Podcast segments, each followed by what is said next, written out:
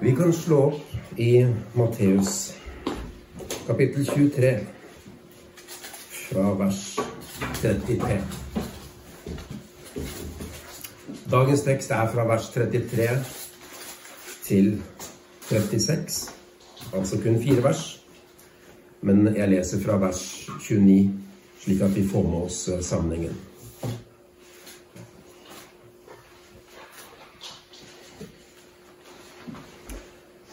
Matteus 23 fra vers 29. Ved dere, skriftlærde og fariseere, dere hyklere som bygger profetenes gravsteder og pryder minnesmerkene over de rettferdige, og sier, hadde vi levd i våre fedres dager, så hadde ikke vi vært medskyldige med dem i profetenes blod. Slik vitner dere om at dere selv er barn av dem som slo profetene i hjel. Så fyll da opp deres fedres mål. Og nå kommer teksten til dag. Slanger, ormeyngel, hvordan skal dere unnfly dommen til helvete? Derfor, se, jeg sender til dere profeter og vismenn og skriftlærde. Noen av dem skal dere drepe og korsfeste, andre skal dere hudstryke i synagogene deres og forfølge fra by til by.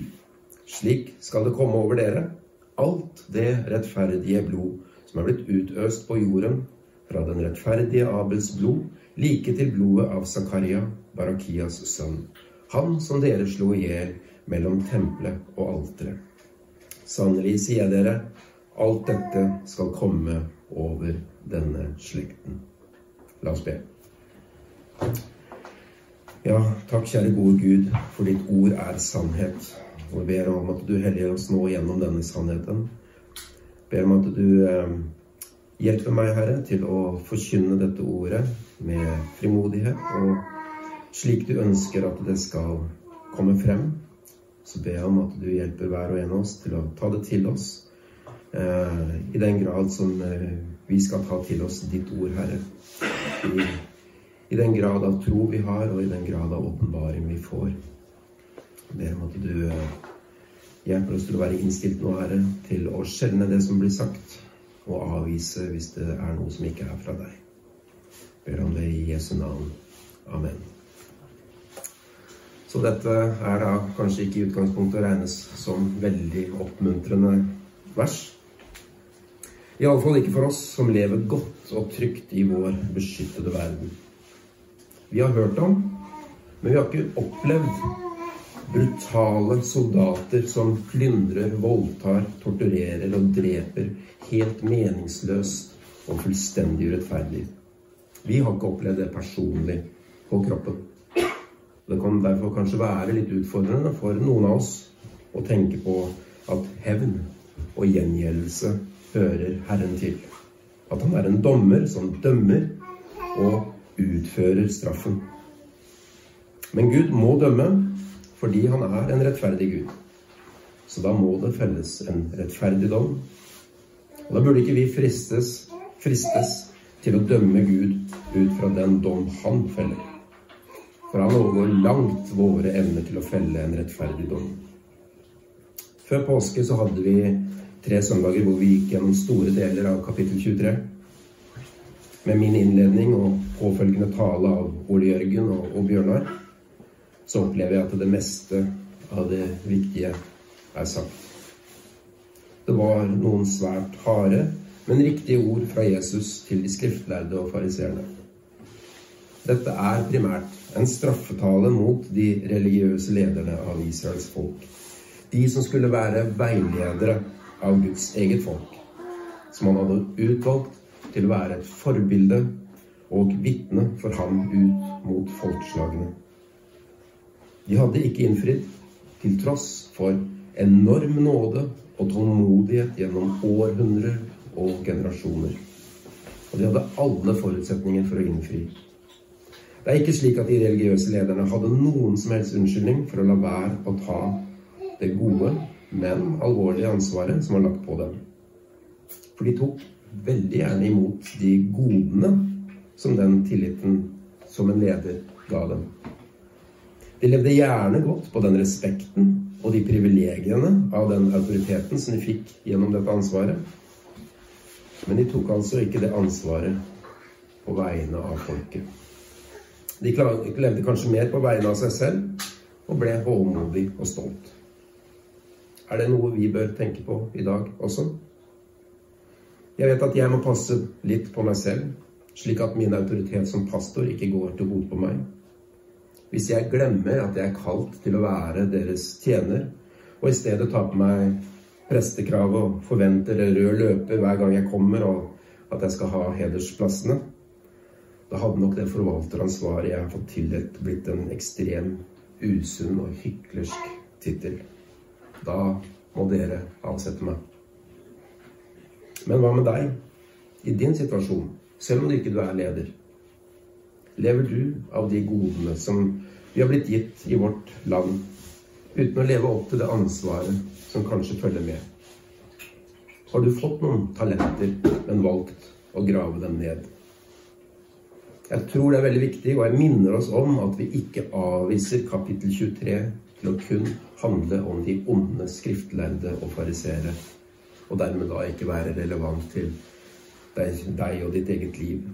For vi tenderer så lett til å tenke på andre når vi leser om fariseere. Da tror jeg at vi lett kan gå feil, og jeg tror mange har gått feil. Jeg tror at de privilegiene av nåde, fred og hvile har hos mange av oss ført til en passivitet. En syndig passivitet. La oss i så fall omvende oss vekk fra en slik stagnasjon og passivitet før det leder til apati. Jeg opplever at kapittel 23 er et ord til meg. Ikke bare fordi jeg er en leder i menigheten, men også fordi jeg som nordmann har fått veldig mange gode privilegier. Jeg bør spørre meg selv om jeg forvalter dette godt. Jeg kan lese fritt i Bibelen, og jeg har opptil flere bibler i hylla. Den er så utrolig lett tilgjengelig for meg at jeg til enhver tid, 24 timer i døgnet, kun er en armlengdes avstand fra å kunne lese Guds ord. Den er gratis å lese, selv på en app. Så hvordan forvalter jeg det privilegiet? Leser jeg i den? I andre land hvor Bibelen er totalt forbudt, så er de kristne helt utsultet etter å få høre, om så bare en setning fra Guds ord. Om de bare har deler av Bibelen, så oppbevares de som de største skatter på jord. Kjenner jeg meg selv igjen i en slik sult? Jeg som er så privilegert at jeg er blitt født i Norge med tilgang på Bibelen overalt. Jeg har også det privilegiet at jeg kan vitne og forkynne fritt om hvem Jesus er. Benytter jeg meg av det? Eller er det slik at jeg er sløv, lat, passiv? Jeg har alle muligheter til å leve ut mitt liv for Jesus slik han har kalt meg til. Jeg har ingen mangler, selv om jeg sikkert fint skulle klare å finne på noen. For Gud gir meg til og med den styrken jeg trenger. Men benytter jeg meg av den muligheten, eller forkaster jeg det? Og heller nyter av de privilegiene som har blitt gitt meg, uten å følge opp med å være lojal mot det forvalteransvar som har blitt gitt meg av bare nåde. Jeg snakker nå i jeg-form, men jeg mener også å tale til dere, til deg. Så om du ikke nødvendigvis er leder, så har også du fått de samme privilegiene som jeg har fått. Og dermed så har du også du et ansvar for å ta opp ditt kors hver dag og følge etter ham. Om ikke, så tror jeg det er riktig å ta til seg Jesu ord i kapittel 23. Jeg er redd for at det bare kan bli noen ord som vi legger litt til side, fordi det fremstår som så ekstremt. Det er ekstremt. Og selve straffen var helt eksepsjonelt brutal. En straff uten sidestykke i verdenshistorien. Du er nå tilsvarende en slik leder og har fått et kall om å spre budskapet til hele verden. Og da kommer det kanskje fort frykt opp i oss. Det er ubehagelig. Du tenker kanskje at jeg leser heller et par timer i Bibelen hver dag enn å måtte vitne en gang iblant. Fordi det stagnerer helt når menneskefrykten slår til. Og det er veldig forståelig og veldig gjenkjennbart. Du skal vite at du er ikke alene. men det unnskylder oss allikevel ikke.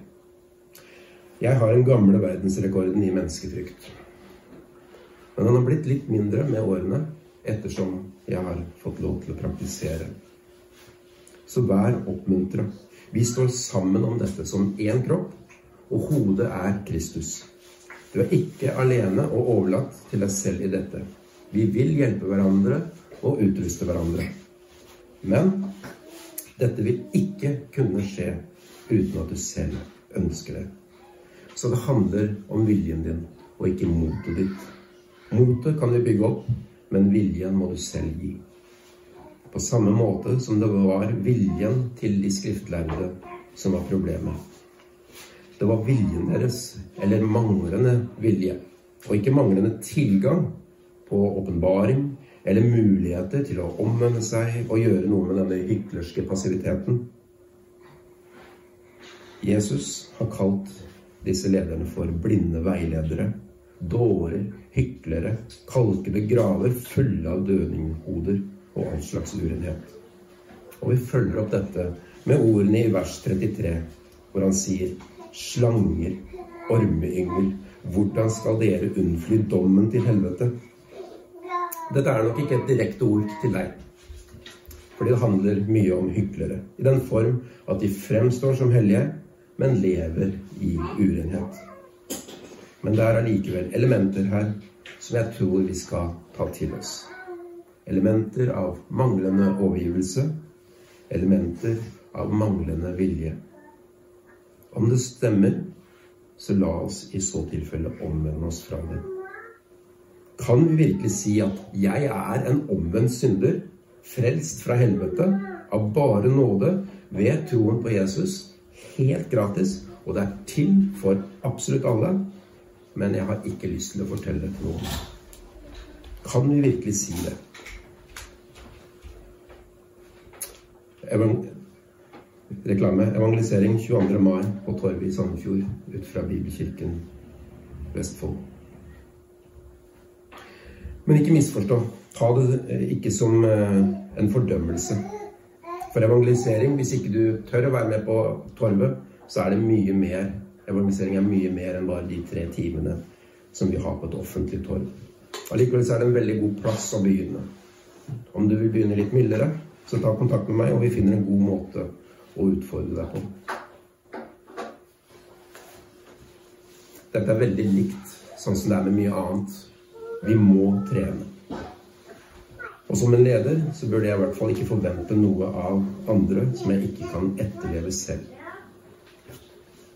Så tilbake til teksten. Som nevnt så har vi allerede gått gjennom flere av disse vedropene mot de religiøse lederne, og vi skal ikke gjenta det. Og vi nærmer oss det kapitlet i Bibelen som mange regner for å være det vanskeligste av alle kapitler.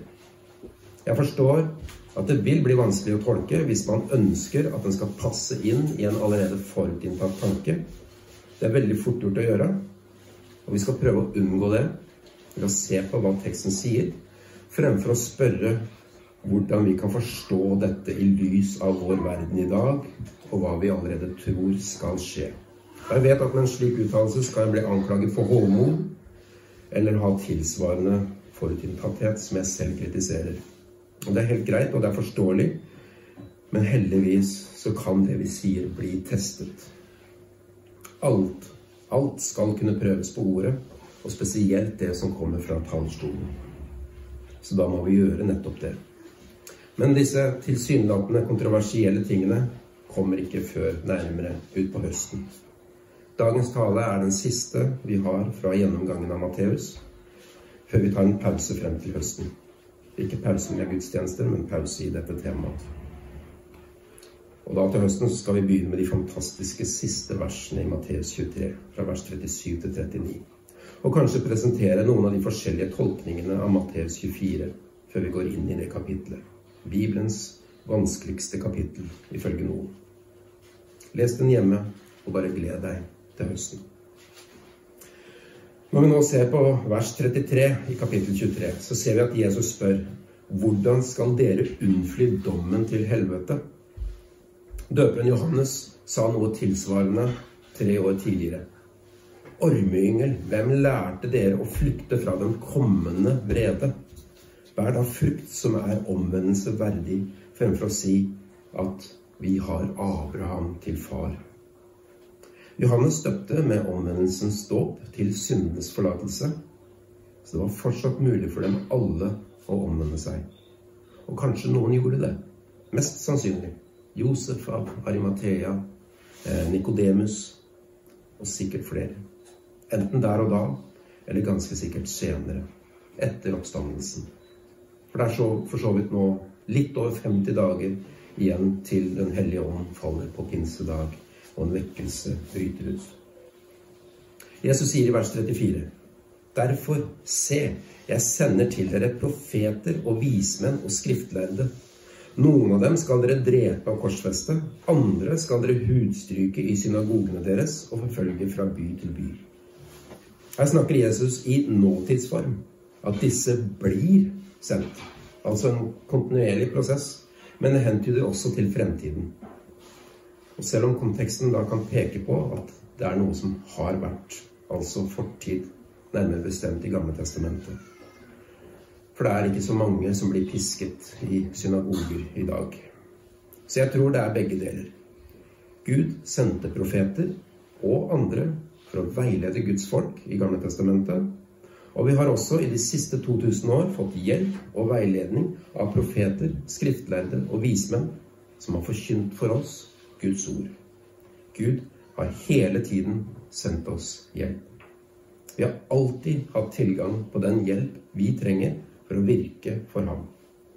Og i dag så har vi fri tilgang på Bibelen og fri tilgang på å samles på gudstjenester for å få en større innsikt i ordet.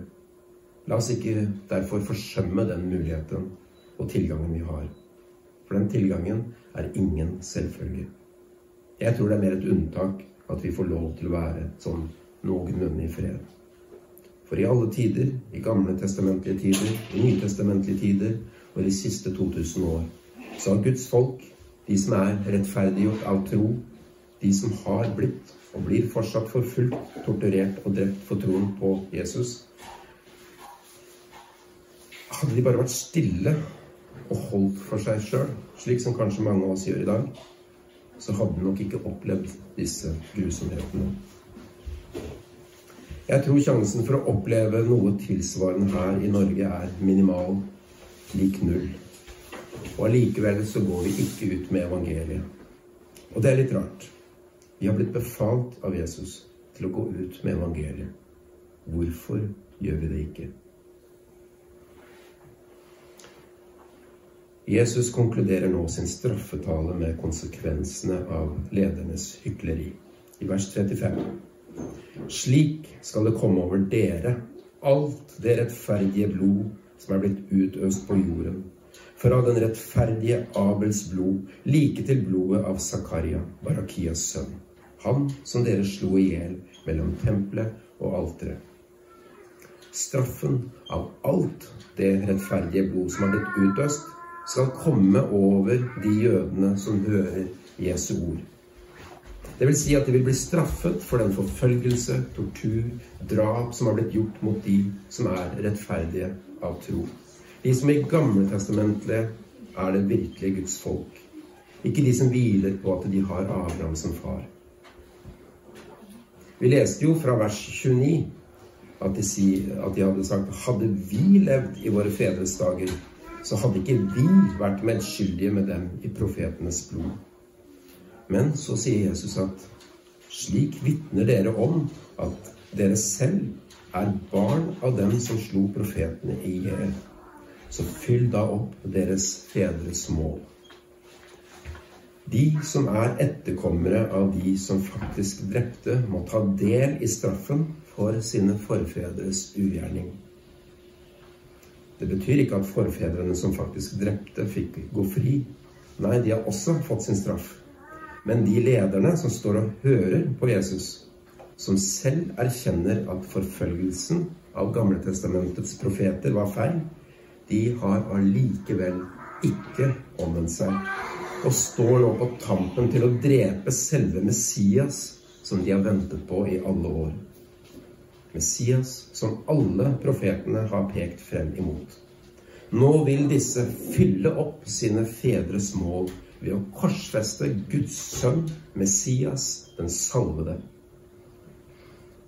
Det å nevne blodet til Abel og frem til Zakaria er antageligvis for å innbefatte alle Gamletestamentets profeter. Abel var den første rettferdige som ble drept, og blodet hans roper fra jorden. Det var et svik utført av hans egen bror Kain. Zakaria er mest sannsynlig den Zakaria vi leser om i andre krønikebok, kapittel 24, og dermed den siste av Det gamle testamentets profeter. Zakaria, en profet sendt av Gud, drept av sine egne brødre. Den hebraiske bibelen slutter med andre krønikebok. Den har med alle de samme bøkene som vi har, men den har bare en litt annen rekkefølge. Bøkene i vår bibel er ikke i kronologisk rekkefølge. Det vil si, det er ikke nødvendigvis skrevet i den rekkefølgen som det ble skrevet ned i, eller i den rekkefølgen som hendelsene beskriver. Et eksempel som jeg fant, er Esra, som er bok nummer 15 i Gamletestamentet, og Hagai, som er bok nummer 37. De er begge skrevet på samme tid og beskriver de samme hendelsene, men har altså 22 bøker imellom seg. Så det å si fra Abel til Zakaria er på en måte det som som om vi skulle sagt fra første Mosebok til åpenbaringen, for å innebefatte alle disse bøkene som er der. Altså hele Bibelen. Det er en oppsummering eller en sammenfatning for å illustrere at de er medansvarlige for alle de profetdrapene. Kort sagt, alle profetene som ble drept i Gammeltestamentet, ble drept av de som de kom for å veilede og hjelpe. Og nå får de skriftlærde og fariseerne som står og hører på Jesus, oppleve straffen for dette eller de ultimate konsekvensene av denne uretten. Ikke fordi de er etterkommere, men fordi de vedlikeholder dette hykleriet og dreper Jesus Kristus ved å overgi ham til romerne for å bli hengt på et kors. Dette er den største forbrytelsen som noen gang har skjedd. Den verste form for tortur og død ble gjort mot den Altså, det blir ikke riktig å si den mest rettferdige av alle, eller den mest syndfrie av alle, fordi det stemmer ikke. Han er ikke den mest rettferdige. Han er den rettferdige, med store bokstaver. Han er ikke den mest syndfrie. Han er den syndfrie. Å gi den verste straffen til den som er den hellige, er den største forbrytelsen i menneskets historie. Så det å oppsummere all straff på disse skriftlærde fariseerne er ikke noe annet enn rett og rettferdig.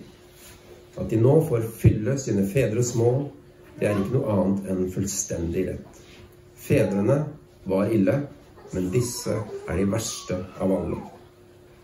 I Markus 1,15, i starten av sin tjeneste, så forkynte Jesus tidenes mål er fullt, og Guds rike er kommet nær. Omvend dere og tro på evangeliet. Tidenes mål er fullt. De vil fylle opp sine fedres mål, som det står i vers 36 i teksten i dagens tekst. Sannelig sier dere Eller som det står i vers 36 i dagens tekst, så står det sannelig sier dere alt dette skal komme over denne slekten. Så det er vel liten tvil om at det er noe som skal skje. Og det som skal skje, det er like rundt hjørnet. Det er en dom, og siden dommen er oppsummert, så er det tydelig at det vil bli en voldsom dom og straff. Og den dommedagen er snart. Og hva er snart? Snart er altså i løpet av den slekten som er der og hører Jesu ord. Tiden på en bibelsk slekt er 40 år. Og vi vet at i år 70 mindre enn 40 år etter disse Jesu ord, så kom den verste og mest ødeleggende dommen over jødene i verdens historie. Det var en trengselstid uten sidestykke. Jødenes holocaust under andre verdenskrig, verdenskrig er også uten sidestykke, så det gir liten mening å sammenligne det med det. Men i år 70 skjedde en mye større katastrofe i forhold til deres praktisering, i gudsdyrkelsen, i troen på Jave. Tempelet, som var sentrum for den jødiske tro, og store deler av Jerusalem, den hellige by, ble ødelagt og jevnet med jorden etter en brutal romersk beleiring i tre og et halvt år. Dette var profetert og forutsagt av Jesus. Men det kom allikevel som et forferdelig sjokk på de som holdt seg til jødedommen, og fortsatt holdt fast på dyre ofringer for å få tilgivelse for sine synder. Tempelet som skulle stå til evig tid, var borte, og alteret til å ofre på var knust. Alle muligheter for å få syndtilgivelse i deres øyne var nå borte. Alle slektstavlene var brent opp og borte for alltid. Så muligheten til å følge Davids slektslinje for å vertifisere Messias som Davids etterkommer, var nå borte for alltid. Hele grunnlaget for deres tro og lære var utslettet fra jordens overflate og helt umulig, umulig å gjeninnføre. Vi skal se nærmere på konsekvensen av dette tapet en annen gang. Men det er ingen tvil om at dette tapet var den største katastrofen i jødenes historie. Det var en mye mer omfattende konsekvens enn da Nebukadnesar ødela det første tempelet. Og for ikke å snakke om de enorme menneskelige lidelsene som skjedde i årene 66 til 70 ved beleiringen av Jerusalem og de brutale nedslaktningene ellers i Israels land. Det var en dom uten like som kom over denne slekt slik Jesus sa. Og det var helt i tråd med hvordan Gud har utført straff i tidligere tider. Det var altså slutten på en tidsalder. Jødens tidsalder var med andre ord helt forbi. Ikke jødene som et folk, for de eksisterer fortsatt, noe som vitner om Guds store trofasthet. Men jødene som Guds folk og den tidsalder som hadde vært, var nå forbi. Og Pga. alt som skjedde i den forbindelse, så vil ikke denne tiden kunne gjenoppstå. Og fordi Jesus har båret frem et så mye bedre offer en gang for alle, så venter vi ikke på et nytt tempel og på en ny jødisk tidsalder med gjeninnføring av avskyelige dyreofringer. Det går imot evangelium om at Jesus er oppfyllelsen av løftene. Han er Abrahamsløftenes oppfyllelse. Og vi er nå på Jesu kropp, det levende tempelet. Det siste huset som har fått en større herlighet enn det første hadde. Og på dette sted vil jeg gi fred, sier Herren, herskarenes Gud. Vi har gjennom Jesu forsoningsverk fått oppleve det helt, helt unike med å få fred med Gud. Jesus profeterte en dom som skjedde, Jesus' straffetale over Israels ledere og oppfyllelsen av denne noen få år senere er intet annet enn et enormt vitnesbyrd på Guds store rettferdighet og Guds evigvarende kontroll over historien og fremtiden. I vår påvirkning av postmoderne tid så er det kanskje, som jeg nevnte i starten, utfordrende for mange å forholde seg til Gud som en dømmende og straffende Gud. Jeg tror derimot at for en ukrainer som har opplevd sitt trygge hjem bli ødelagt, og sin nære familie bli brutalt voldtatt og drept Ved et slikt tilfelle, med en slik opplevelse, så vil det være mer en trøst å vite at Gud straffer urett. Og når vi leser lignelsen om vingårdsarbeiderne i Matteus kapittel 21, 33, som jeg talte over for noen måneder siden, så gir det mening og det er lettere å være enig i Guds dom. Det blir nesten mer fristende å spørre hvorfor Gud ventet så lenge før han straffet. Og det er fordi Herren, Herren er en barmhjertig og nådig Gud, langmodig og rik på nåde og sannhet. Han lar miskunn vare gjennom tusen ledd. Han forlater misgjerning og overtredelser og synd, men han lar ikke den skyldige være ustraffet. Om du har tatt imot Guds frelsende gave, så er du fri. Du har fått fred med Gud og er dermed helt fri fra Guds vrede og straff. helt fri. Og du har all grunn til å juble og glede deg og rope halleluja.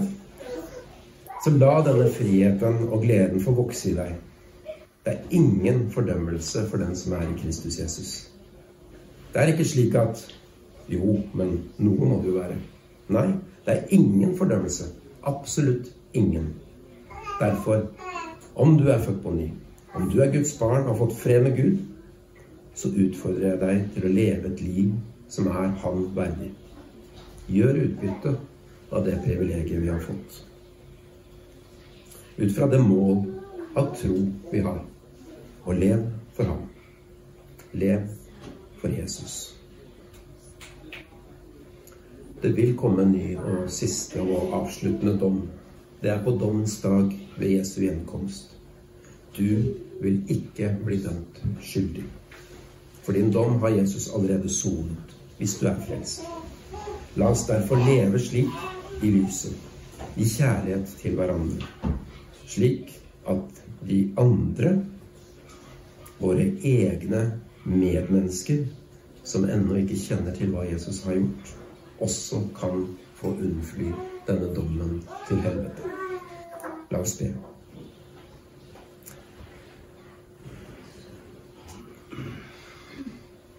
Ja, gode Gud, jeg takker deg for ditt ord og for den utfordring det gir oss.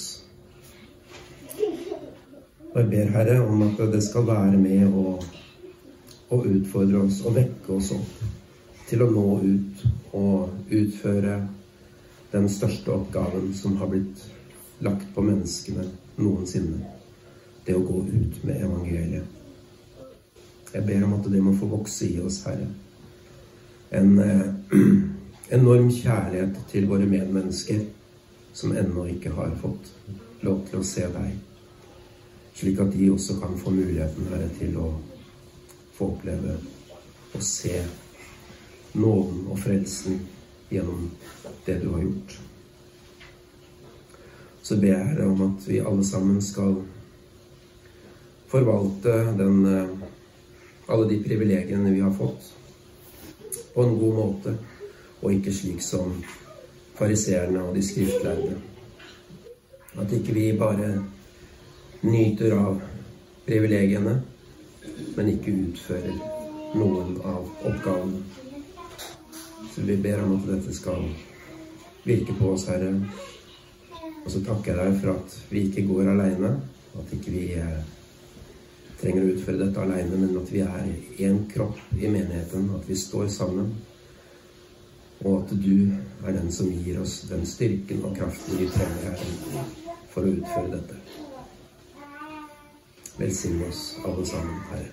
I Jesu navn. Amen.